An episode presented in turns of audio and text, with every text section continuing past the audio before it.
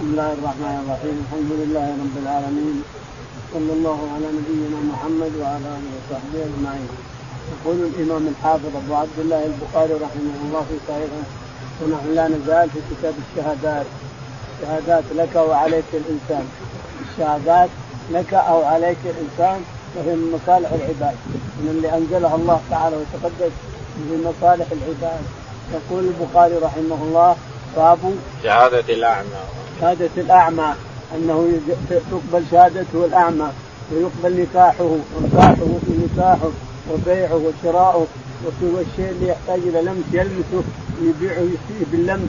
واللي ما يحتاج إلى لمس يبيعه ويشتريه بالصوت يسمع صوت الإنسان يعرف صوته ويشهد عليه بصوته. فلان ابن فلان أعرفه وأنا أشهد عليه بكذا وكذا. تقبل شهادته ويقبل بيعه وشراؤه ونكاحه وإنكاحه. وخلعه وجميع ما يتصرف يقبل هذا إلا بالشيء اللي يحتاج إلى نظر هذا شيء آخر. وإلا فكل شيء من أمور الناس فإنه جائز للأعمى. نعم. قال وقبوله في التأذين وغيره. وقبوله في التأذين وغيره يعني أنه يؤذن الأعمى يصير مؤذن في مسجد لأنه قد يكون أحسن من من اللي مبحر للعيون أحسن وأحفظ للوقت. يصير أحسن للوقت وأحفظ للوقت وأحرص على الوقت أيضا جاء تأذينه وتنبيه للناس إلى الصلاة نعم. وأجاز شهادته قاسم والحسن.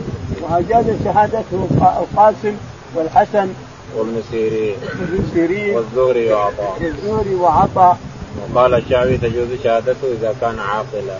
يقول الشعبي تجوز شهادته إذا كان عاقلا ما في هو عاقل ما تجوز شهادته عند كل الناس نعم.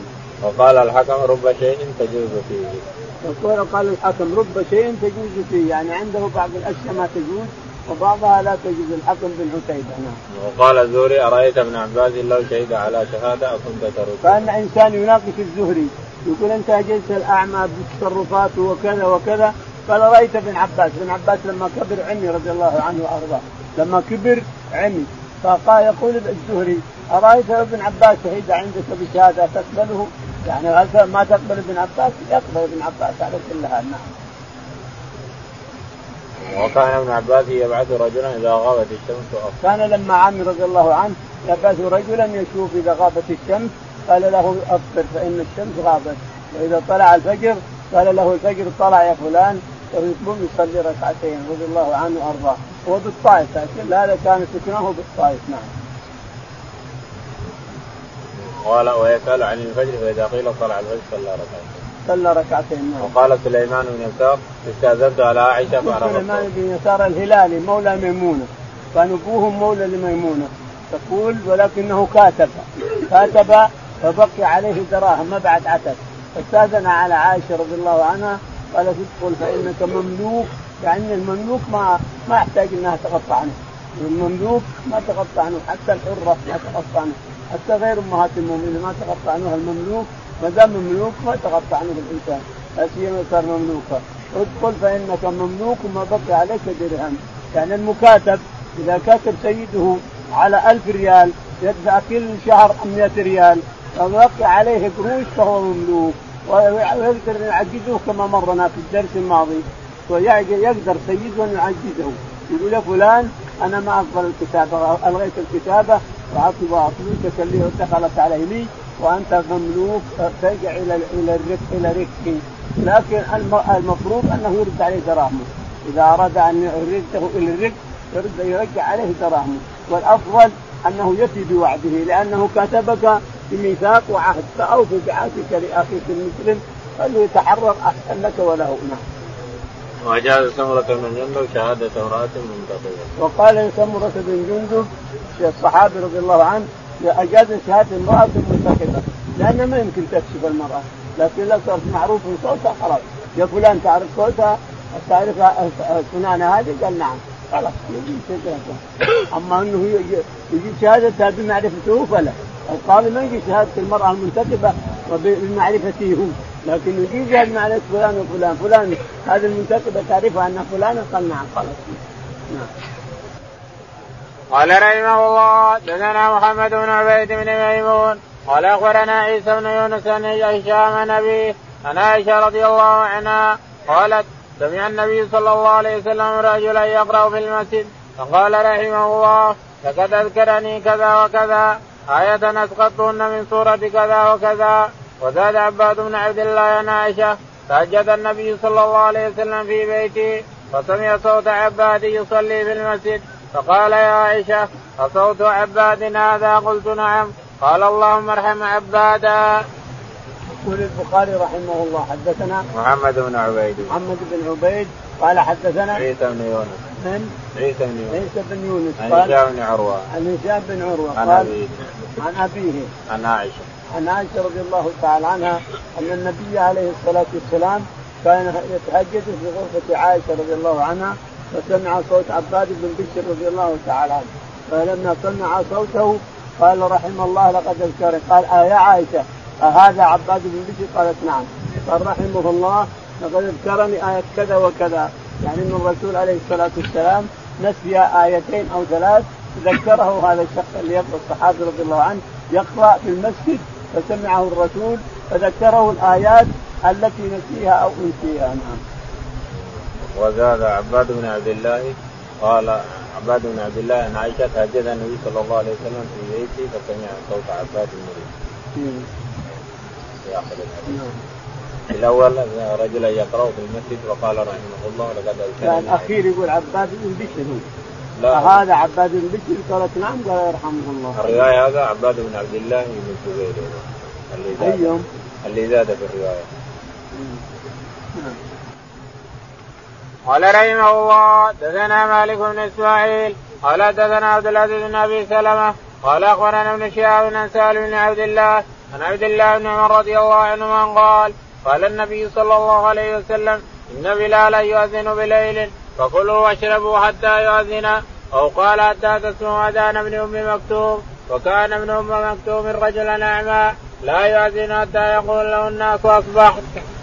يقول البخاري رحمه الله حدثنا مالك بن إسماعيل. مالك بن إسماعيل قال حدثنا عبد العزيز بن أبي سلمة. عبد العزيز بن أبي سلمة الماجشون قال حدثنا ابن شهاب. ابن شهاب الزهري قال عن سالم بن عبد الله بن عمر. عن سالم بن عبد الله بن عمر عن عبد الله بن عمر رضي الله تعالى عنه أن النبي عليه الصلاة والسلام قال إن بلالا يؤذن بليل يعني يحرمكم السحور فليسمع أذان بلال لا ينحرم يأكل فإنه يؤذن بليل يؤذن بدري. ولكن كلوا واشربوا حتى تسمعوا أذان ابن ابن مكتوم يقول المعلق وكان رجلا أعمى لا لا يؤذن حتى يقال له أصبحت أصبحت. ما يؤذن لأنه ما يشوف لكن لو قالوا له يا فلان أصبحت طلع الفجر أصبحت طلع الفجر أذن. يؤذن إذا قالوا له أذن طلع الفجر يؤذن. أما بلال فيؤذن على الفجر الأول المستطيل هذا الفجر الأول. وأما ابن مكتوم على الفجر التالي اللي يشق الأفق عرا. نعم. قال رحمه الله حدثنا زياد بن يحيى حدثنا خاتم بن وردان قال حدثنا أيوب بن عبد الله بن أبي مليكة عن المسور بن مخرم رضي الله عنه قال قدمت على النبي صلى الله عليه وسلم أقبية فقال لي أبي مخرم انطلق بنا إليه عسى أن يوقينا منا شيئا فقام أبي على الباب فتكلم فعرف النبي صلى الله عليه وسلم صوته فخرج النبي صلى الله عليه وسلم ومعه قباء وهو يريه محاسنه ويقول قبات هذا لك قبات هذا لك. يقول البخاري رحمه الله حدثنا زياد بن يحيى. زياد بن يحيى قال حدثنا حاتم بن وردان. حاتم بن وردان قال حدثنا أيوب. أيوب عن عن عن عبد الله بن أبي مليكة. عن عبد الله بن أبي مليكة قال عن المسور بن مخرمة. عن المسور بن مخرمة عن أبي أن أباه المخرمة شايب من شيبان قريش ومن أكابر قريش. جاء الرسول عليه الصلاة والسلام أقبية والقبة هو الثوب الطويل. اللي ينزل إلى الساق إلى السيقان يقول عليها زرير كذا عليها زرير من قدام وهو زي زي الزبون يسمونه الآن جبه وزبون لكنه قطن. من القطن قبى من القطن. فجاءت الرسول أقبية أقبية ففرقها على الصحابة وعلم مخرمة أن الرسول فرق فقال ليش ما أعطانا؟ تعال مسور وراح بولده حتى وقف على باب النبي عليه الصلاة والسلام. فلما سمع صوته عرف أن في شدة شوية ولو ما أعطاه قبا قد يتكلم. فأخرج له القبا قال يا أبا مخرمه يا أبا مخرمه هذا ها؟ ابي المسور هذا قبعت لك. املس المس المس. صار يلمس النعمه صار يلمس القبا. رضي رضي مخرمه رضي رضي المخرمه رضي مخرمه فرجع راضيا. نعم. وحق حق النبي عليه السلام لكن خاف من خاف من يتكلم. نعم. باب شهادة النساء. وقوله تعالى وإن لم يكونا رجلين فرجل وامرأتان قال رحمه الله دثنا ابن أبي مريم قال أخبرنا محمد بن جعفر قال أخبرني زيد عن عياض بن عبد الله عن أبي سعيد الخدري رضي الله عنه عن النبي صلى الله عليه وسلم قال أليس شهادة المرأة مثل نصف شهادة الرجل؟ قلنا بلى قال فذلك من نقصان عقلها. يقول البخاري رحمه الله باب شهادة النساء. شهادة النساء. يقول رحمه الله حدثنا قول الله تعالى فإن لم يكونا رجلين. يقول الله تعالى فإن لم يكونا رجلين فرجل وامرأتان ممن ترضون من الشهداء. يعني رجل وامرأتين المرأة المرأة الرجل يكون مقام امرأتين. يعني أن المرأة المرأتين مقام رجل يقابلن رجل. يعني أنها ناقصة عقل بهذا الكلام. يقول رحمه الله حدثنا ابن أبي مريم. ابن ابي مريم سعيد. قال حدثنا محمد بن جعفر. محمد بن جعفر قال قال أخبرني زيد. قال أخبرني زيد قال عن عياض بن عبد الله. عن عياض بن عبد الله. نعم. عن أبي سعيد الخدري. عن أبي سعيد الخدري رضي الله تعالى عنه أن النبي عليه الصلاة والسلام وعظ النساء وقال لهن إنك أصحاب كثيرات من أكثر أهل النار وان كن وإن كنا وقلنا ما لماذا يا رسول الله؟ قال لأن المرأة ناقصة عقل ودين. قالوا ما نقصان عقلنا. قال ليست شهادتها بشهادة رجل آه، امرأتين شهادة الرجل بشهادة امرأتين؟ قالوا بلى. قال ليس إذا حاضت ما تصلي؟ قالوا بلى. قال هذا نقصان دين وهذا نقصان عقلها. المرأة ناقصة عقل. ولهذا قال عليه الصلاة والسلام ما رأيت من ناقصات عقل ودين أغلب للب للب لذي اللب من المرأة. ما رأيت من أغلب لذي اللب من المرأة المرأة على أنها ناقصة عقل ودين لكن قد يظهر من النساء ما هو أكمل من كثير من الرجال. قد يظهر تعالى تقدس من النساء الذي قرئ مرت في الأمم وفي التاريخ وفي أيامنا هذه ما يفوق الرجال.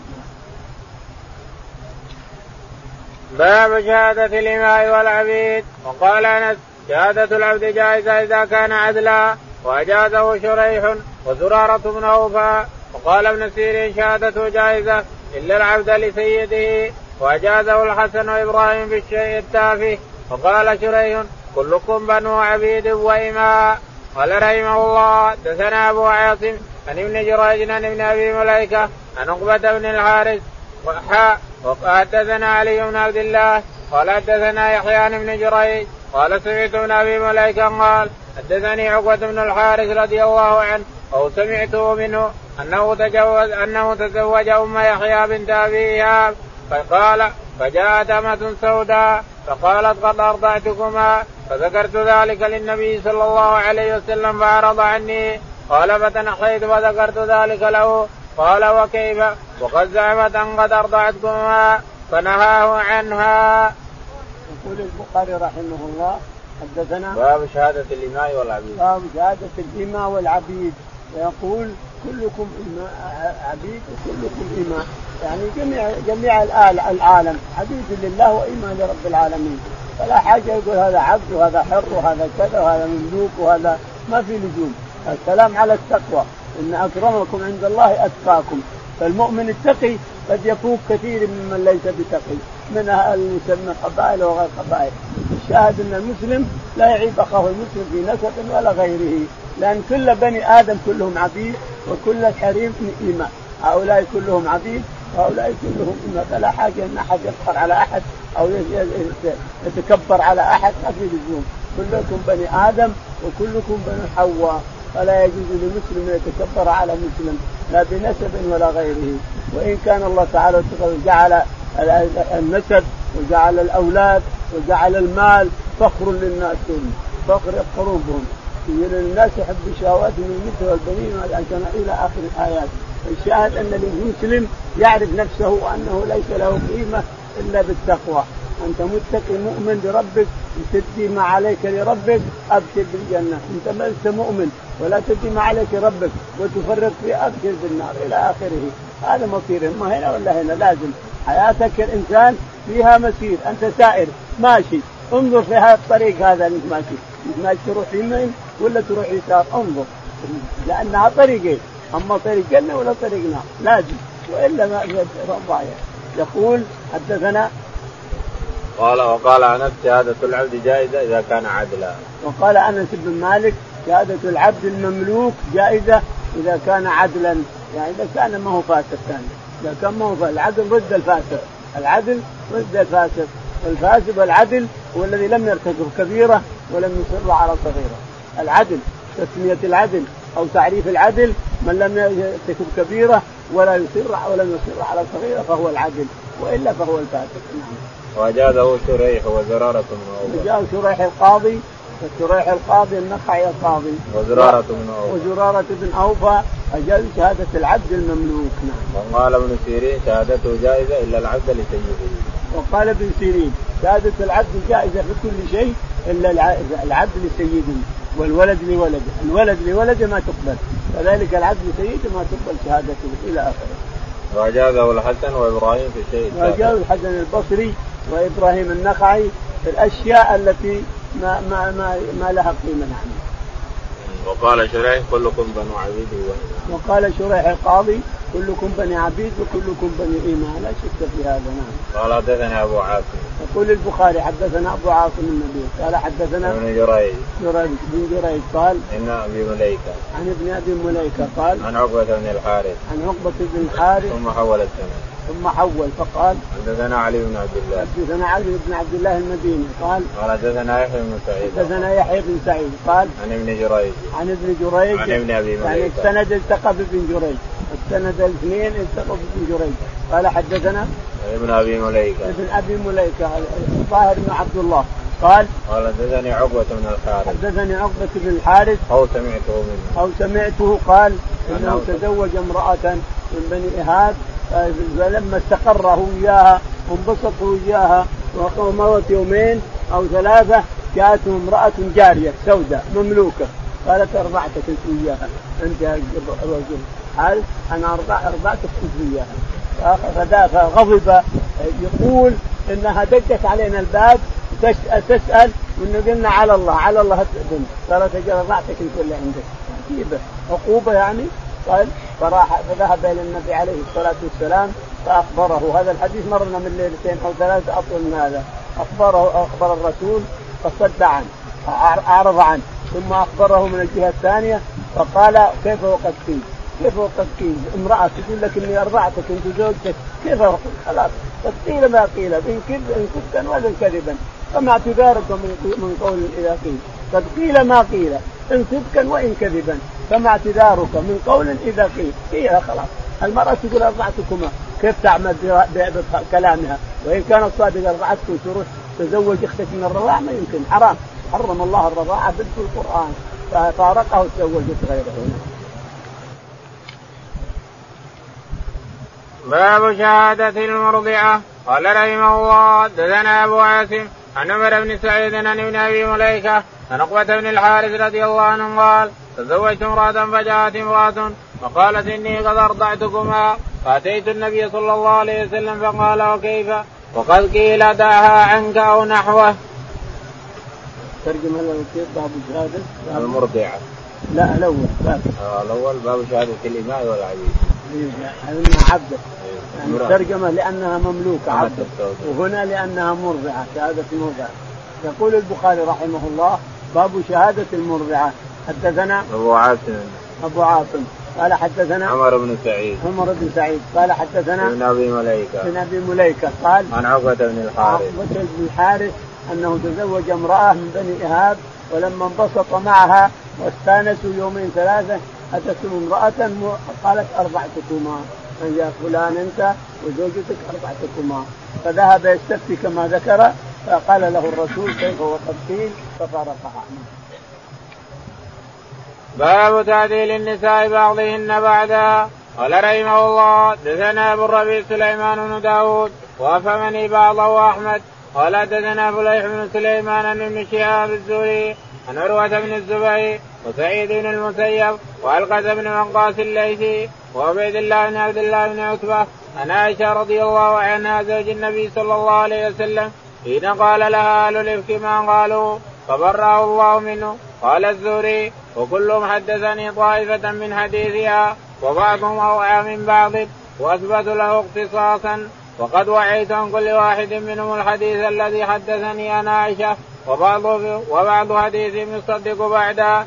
زعموا أن عائشة رضي الله عنها قالت كان رسول الله صلى الله عليه وسلم إذا أراد أن يخرج سفرا أقرأ بين أزواجه فأيتهن خرج سهمها خرج بها معه فأقرأ بيننا في غزاة غزاها فخرج سامي فخرجت معه بعدما أنزل الحجاب فأنا أحمل في أودج وأنزل فيه فصرنا حتى إذا نزل حتى إذا فرغ رسول الله صلى الله عليه وسلم من غزوته تلك وقبل ودنونا من المدينة آذن ليلة بالرحيل فقمت حين آذنوا بالرحيل فمشيت حتى جاوزت الجيش فلما قضيت شأني أقبلت إلى الرحل فلمست صدري فإذا عقد لي من جزع أظفار قد قد انقطع فرجعت فالتمست عقدي فحبسني ابتغاؤه فأقبل الذين يرحلون لي فاحتملوا هودجي فرحلوا على بعير الذي كنت أركب.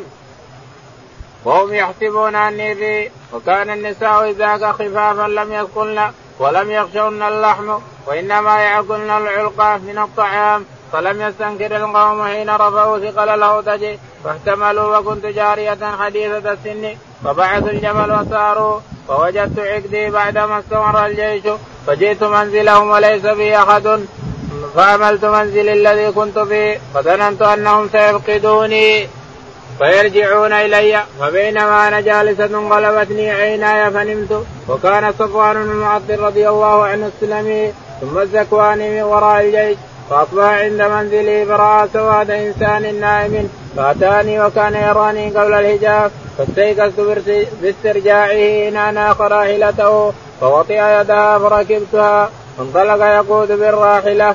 حتى آتينا الجيش بعدما نزلوا معرسين في نحو الظهيرة فهلك من هلك.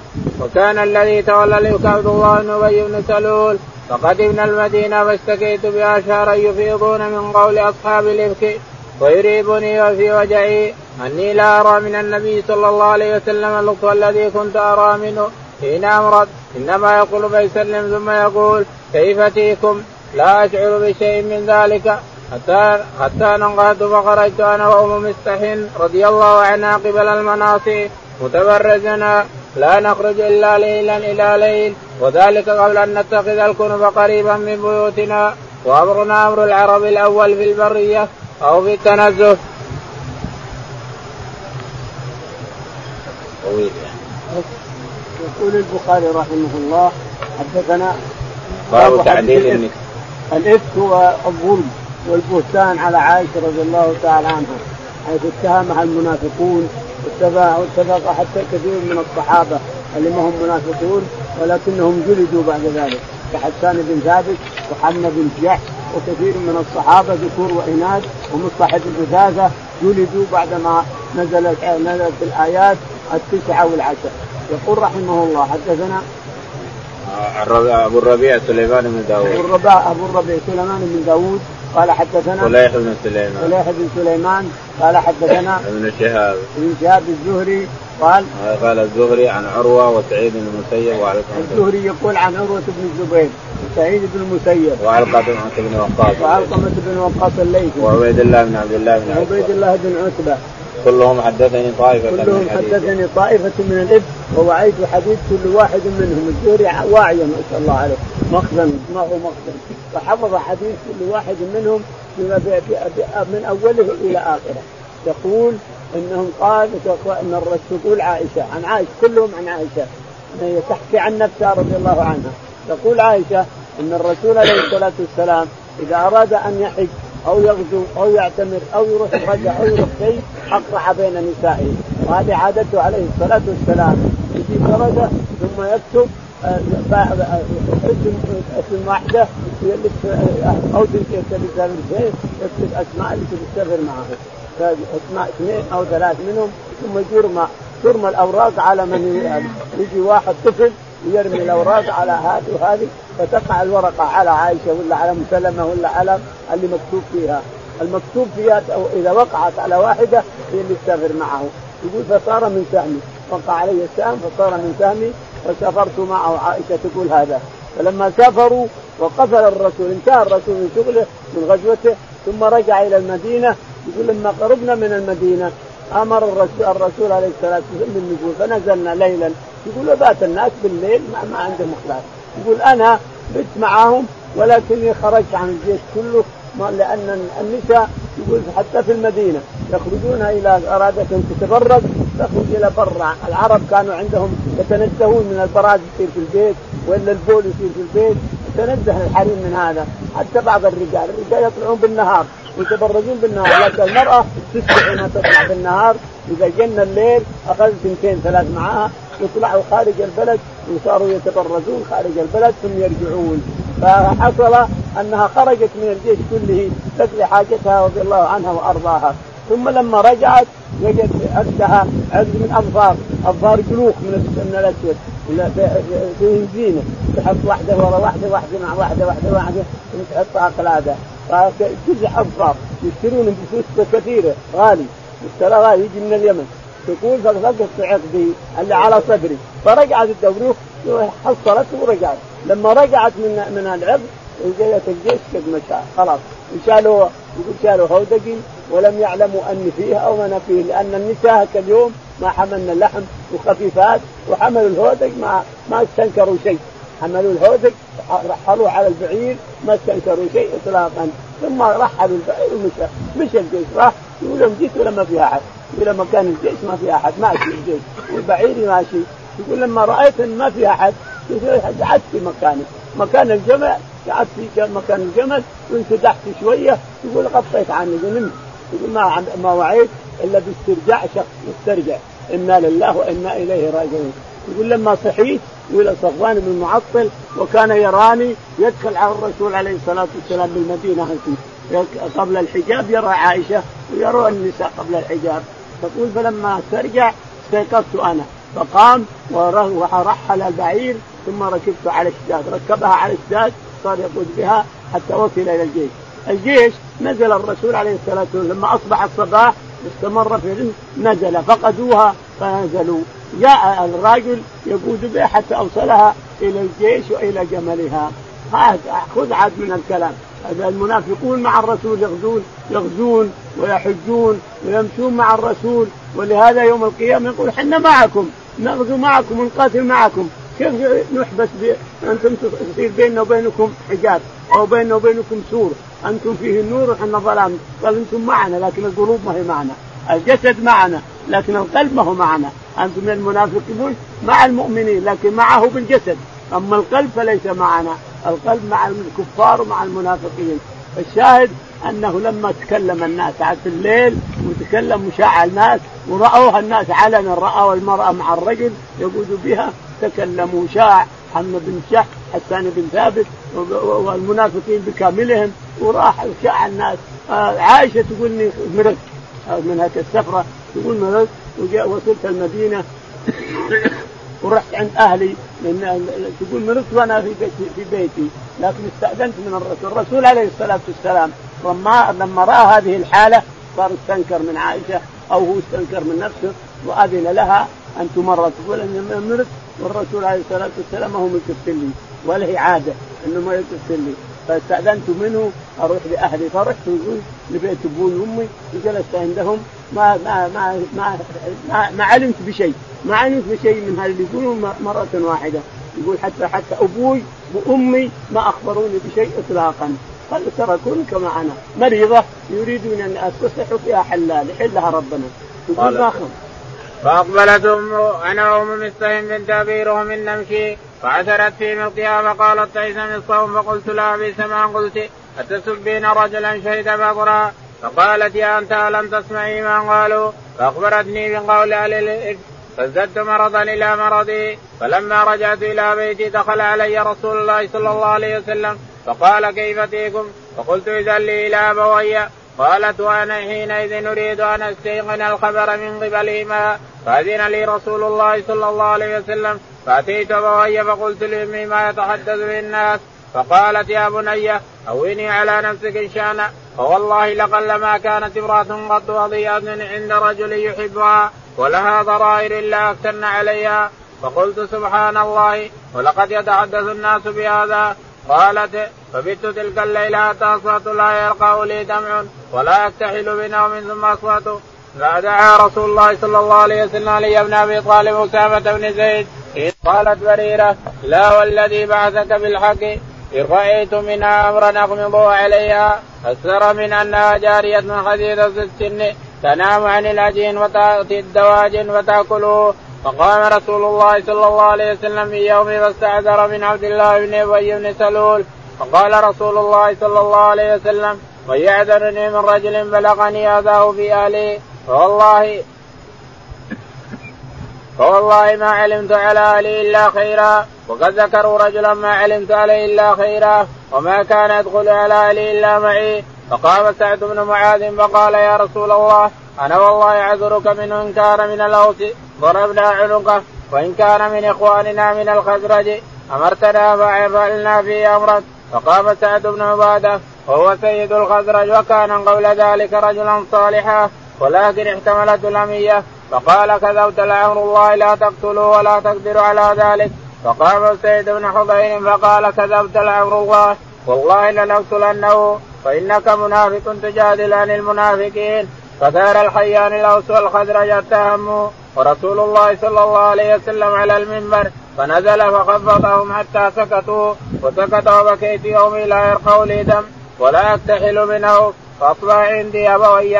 قد بكيت ليلتين ويوما حتى أظن أن البكاء فالق قبدي قالت فبينما هما جالسان عندي وأنا أبكي استأذنت امرأة من الأنصار فأذنت لها فجلست تبكي معي فبينما نحن كذلك دخل رسول الله صلى الله عليه وسلم فجلس ولم يجلس عندي من يوم قيل في ما قيل قبله. وقد مكث شهرا لا يوحى إليه في شاني شيء.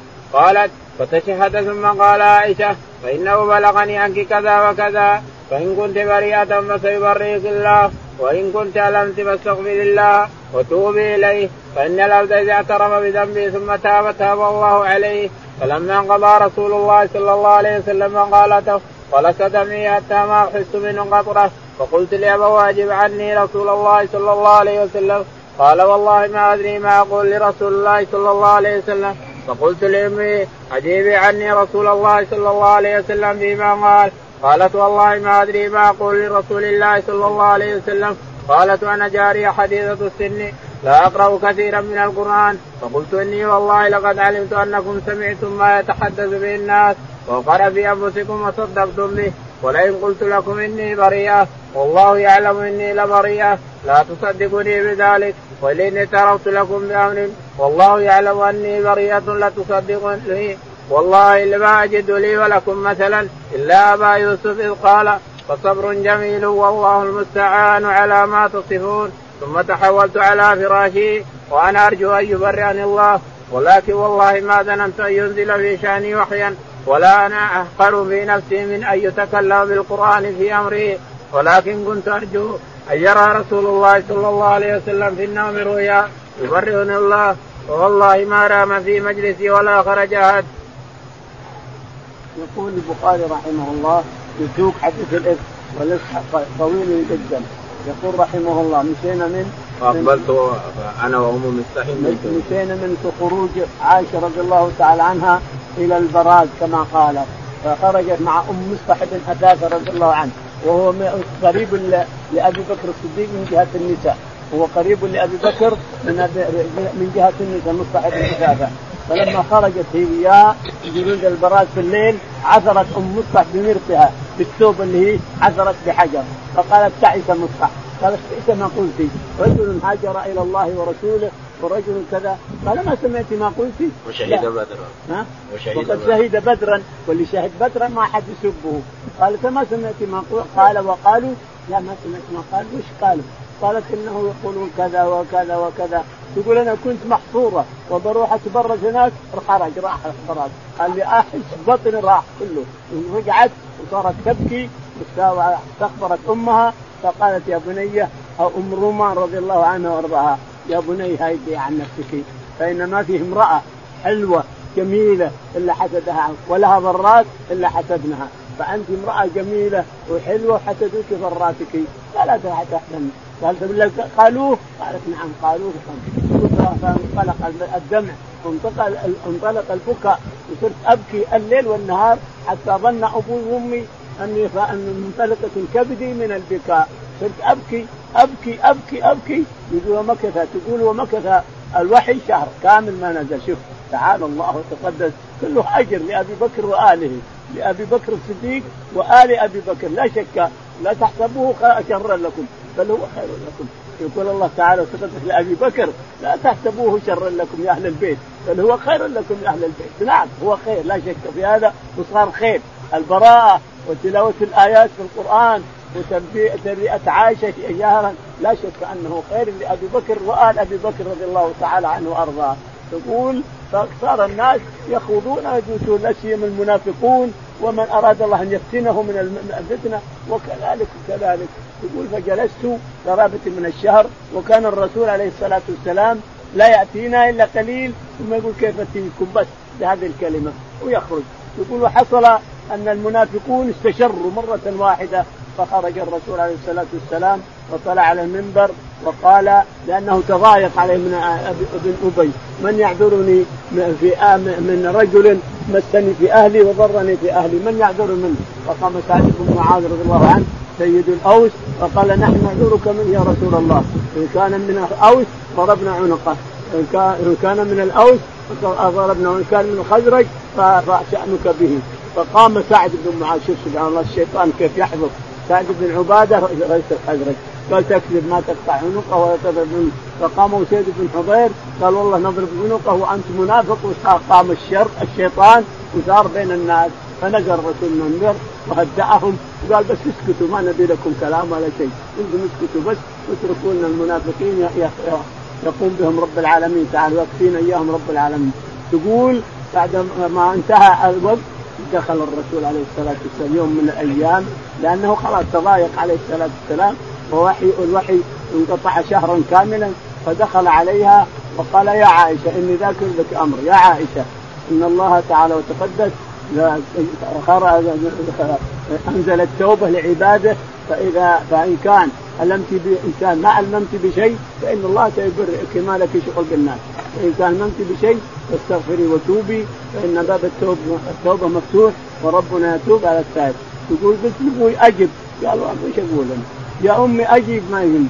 تقول أنا تلمست اسم يعقوب ما لقيته. أبي اسم يعقوب عليه السلام. ما لقيته؟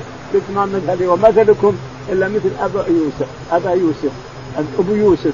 أبي أقول يعقوب نسيت. يقول فقلت مثلي ومثلكم مثل أبو يوسف. ما إن لا صبر جميل. صبر جميل. والله المستعان على ما تصفون. صبر جميل. والله المستعان على ما تصفون. يقول جاءت امرأة من الأنصار الأنصار يواسون. الأنصار رضي الله عنهم نساء ورجال يواسون الناس يواسون هذا ويواسون هذا. دائما المواساة فيهم. يقول والله دخل الرجل الرسول عليه الصلاة والسلام وعند المرأة نبكي أنا وياها. يقول لما دخل سكت سكت فتكلم وتكلم بما قال. يا عائشة إن كان كذا أو كان كذا تقول والله ما خرج عليه الصلاة والسلام إلا أتاه الوحي. جاءه الوحي في هذه الساعة. جاءه التسع ايات أو عشر آيات في سورة النور. ان الذين جاءوا بالإفك عصبة منكم لا تحسبوه شرا لكم بل هو خير لكم. لكل امرئ منهم متهم من أجل ومن والذي تولى كبره منهم له عذاب عظيم إلى آخره. لولا ظن المسلمون هم بأنفسهم خيرا وقالوا سبحانك هذا بهتان عظيم. إن يعظكم الله أن تعودوا لمثله إن كنتم مؤمنين. يعظكم الله ان تعودوا لمثله إن كنتم المهم إنها آيات فيها تقريع مثل السيوف وقعت على على رقاب المنافقين. آيات فيها قوة وفيها تقريع وفيها توبيخ للمنافقين الذين فعلوا هذا. لكن المنافقين الرسول عليه الصلاة والسلام جلد مصطح وجلد حسان وجلد حمنة جلد المسلمين اللي هم منافقين. المؤمنون الصحابة اللي ما هم منافقون جلدهم والمنافقون تركهم لأنهم كثير ولأنهم كفار. إيش يجلد كافر؟ الكافر ما القذف اهون عليه من الكفر. القذف أهون من الكفر. فالشاهد إنه جلد الصحابة المؤمنون من النساء والرجال. وأنا أرجو أن يبرئني الله ولكن والله ما ظننت أن ينزل في شأني وحي أن ينزل في وحي شأني وحيا. ولا أنا احقر في نفسي من أن يتكلم بالقران في أمري. ولكن كنت أرجو أن يرى رسول الله صلى الله عليه وسلم في النوم رؤيا يبرئني الله. والله ما رأى مجلسا ولا خرج أحد من أهل البيت حتى أنزل عليه. فأخذه ما كان يأخذه من البرحاء حتى إنه لا يتحدر منه مثل الجمان من العرق في يوم شاة. فلما سري عن رسول الله صلى الله عليه وسلم وهو يضحك فكان أول كلمة تكلم بها أن قال لي يا عائشة احمد الله فقد براك الله. فقالت لي أمي قومي إلى رسول الله صلى الله عليه وسلم. فقلت لا والله لا أقوم إليه ولا أحمد إلا الله. فأنزل الله إن الذين جاءوا بالإفك عصبه منكم الايات فلما أنزل الله هذا في براءته قال أبو بكر الصديق رضي الله عنه وكان ينفق على مصطفى بن أساسة. بقرابته منه. والله لا انفق ولا مصطح شيئا أبدا بعد. بعدما قال لعائشة أنزل الله تعالى ولا يأتي اولو الفضل منكم والسعه إلى قوله غفور رحيم. فقال أبو بكر بلى والله إني لاحب أن يغفر الله لي. فرجع إلى مصطح الذي كان يجري عليه وكان رسول الله صلى الله عليه وسلم يسأل زينب بنت جحش عن امره فقال يا زينب ما علمت ما رأيت. فقالت يا رسول الله احمي سمعي وبصري. والله ما علمت عليها إلا خيرا. قالت وهي التي كانت تساميني. فعتمه الله بالورع. قال وحدثنا فلان عن هشام بن عروة. عن عروة عن عائشة وعبد الله بن الزبير مثله. قال وحدثنا فلان ربيعه بن أبي عبد الرحمن ويحيى بن سعيد عن القاسم بن محمد بن أبي بكر مثله. يقول البخاري رحمه الله تكميم القصة. أنه لما نزل الوحي على الرسول عليه الصلاة والسلام قال لها أبوها أو أمها إيه قومي فحبي رأس الرسول؟ حيث نزل عليه قالت لا والله ما أحبه. ومعهم متهمني امه ومعهم متهمني. أروح أقول أصلي ركعتين للي بالرأني من فوق عرفت الحق لأهلها. يقول عرف الحق لاهله عرف الحق لاهله الرسول معهم متهمني ولا يدري وش يسوي معهم. ولكن أقوم اسكت واشكر الذي أنزل القرآن تعالى وتقدم. تقول والله أنا أحقر وأذل من أن ينزل في قران كنت أرى أن الرسول سيرى رؤيا بتصديق في براءتي أو يرى كذا لكن نزل القرآن. نزل قريب عشر آيات كلها توبيخ وتقريع مثل القنابل تقع على رؤوس المنافقين وعلى رؤوس من تكلم. حتى تكلم سئلت عن زينب بنت رضي الله عنها. تقول هي تساميني في المنزلة. عائشة وزينب تساميني زينب ليش؟ لأن الله زوجها من فوق سبع سماوات ولم يزوج أهلها. ولهذا تقول أنا زوجني ربي تعالى وأنتم زوجكم أهلكم وأقاربكم. فهي تساميني في المنزلة والشرف حيث أنها زوجها رب العالمين فوق سبع سماوات. يقول ولكن الله حماها بالورع حماها بالتقوى. حماها لم تتكلم بشيء حتى إن الرسول سألها قال يا زينب ما تعلمنا؟ قالت والله يا رسول الله ما أعلم إلا خير. والله ما أعلم عن عائشه إلا خير. وأحمي سمعي وبصري. الله التقوى كيف؟ والورع كيف؟ أحمي سمعي وبصري أن أقول شيء. والله ما أعلم عن عائشه إلا خير يا رسول الله. أما علي رضي الله عنه وأسامة بن زيد والبريرة أسامة قال والله والله ما أعلم إلا خير يا رسول الله. والله ما أعلم على أهلك إلا خيرا. وبريره قالت والله يا رسول إنها جارية حديثه السن وتنام عن العجين تاكل الداجن العنز الداجن هذه أو الطريه النعجة الداجن تجي تاكل عجينتها وهي حديثه صغيرة في السن اليوم ما لها يجي 12 سنة. يوم الإف 12 سنة تقريبا. لأنها تزوجه التسع وقريب ثلاث ثلاث سنوات أو أربع جاء مسألة الفلس تقول فساور علي بن أبي طالب وهو الذي أغلظ شوية.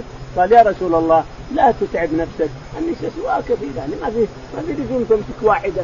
النساء علي رضي الله عنه رحمة بالرسول عليه الصلاة والسلام. لكن صارت جرح في قلب عائشة حتى أنها ليشت الجيوش وذهبت إليه تقاتل بالكوفة. هالكلمه هذه. صارت جرح في قلب عائشة وجيشت الجيوش مع طلحة بن عبيد الله ومع الزبير بن العوام ومع عبد الله بن الزبير ومع أمم أخرجته من المدينة وذهبت إلى العراق تقاتل علي علشان هالكلمة. لأنه قال لها ويقول ابن عباس ما يذكر علي في شيء إلا ما تذكره مرة واحدة. حتى لو جاء ذكره في أحاديث ولا في شيء تقول ورجل آخر أو ورجل سوى كذا. ما تسميها تعرف هذا اللي قالت؟ قال لا. قال هو علي رضي الله عنه. الشاهد إن هذا الكلمة اللي قالها جرحتها جرح. لا شك أنها تجرح. الكلمة تجرح لأنها امرأة تحب الرسول ويحبها الرسول وصفوة الخلق ويبي يطلقها منها. ما في أنها تجرح.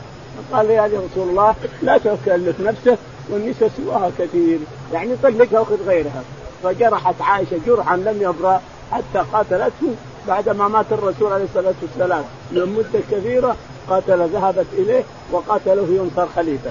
بعد ما مات أبو بكر ومات عمر ومات عثمان وصار علي هو الخليفه ذهبت إليه تقاتله شوف تعالى الله وتقدس مات ثلاثة من الخلفاء. مات الرسول قالت اخذت الجيوش وراحت تقاتل علي في مكانه. ولا يذكر بشيء إلا ما تذكر اسمه. يعني تقول رجل وبس إلى آخره. الله أعلم. اللهم اهدنا فيمن هديت وعافنا فيمن عافيت وتولنا فيمن توليت اللهم توفنا مسلمين والحقنا بالصالحين يا رب العالمين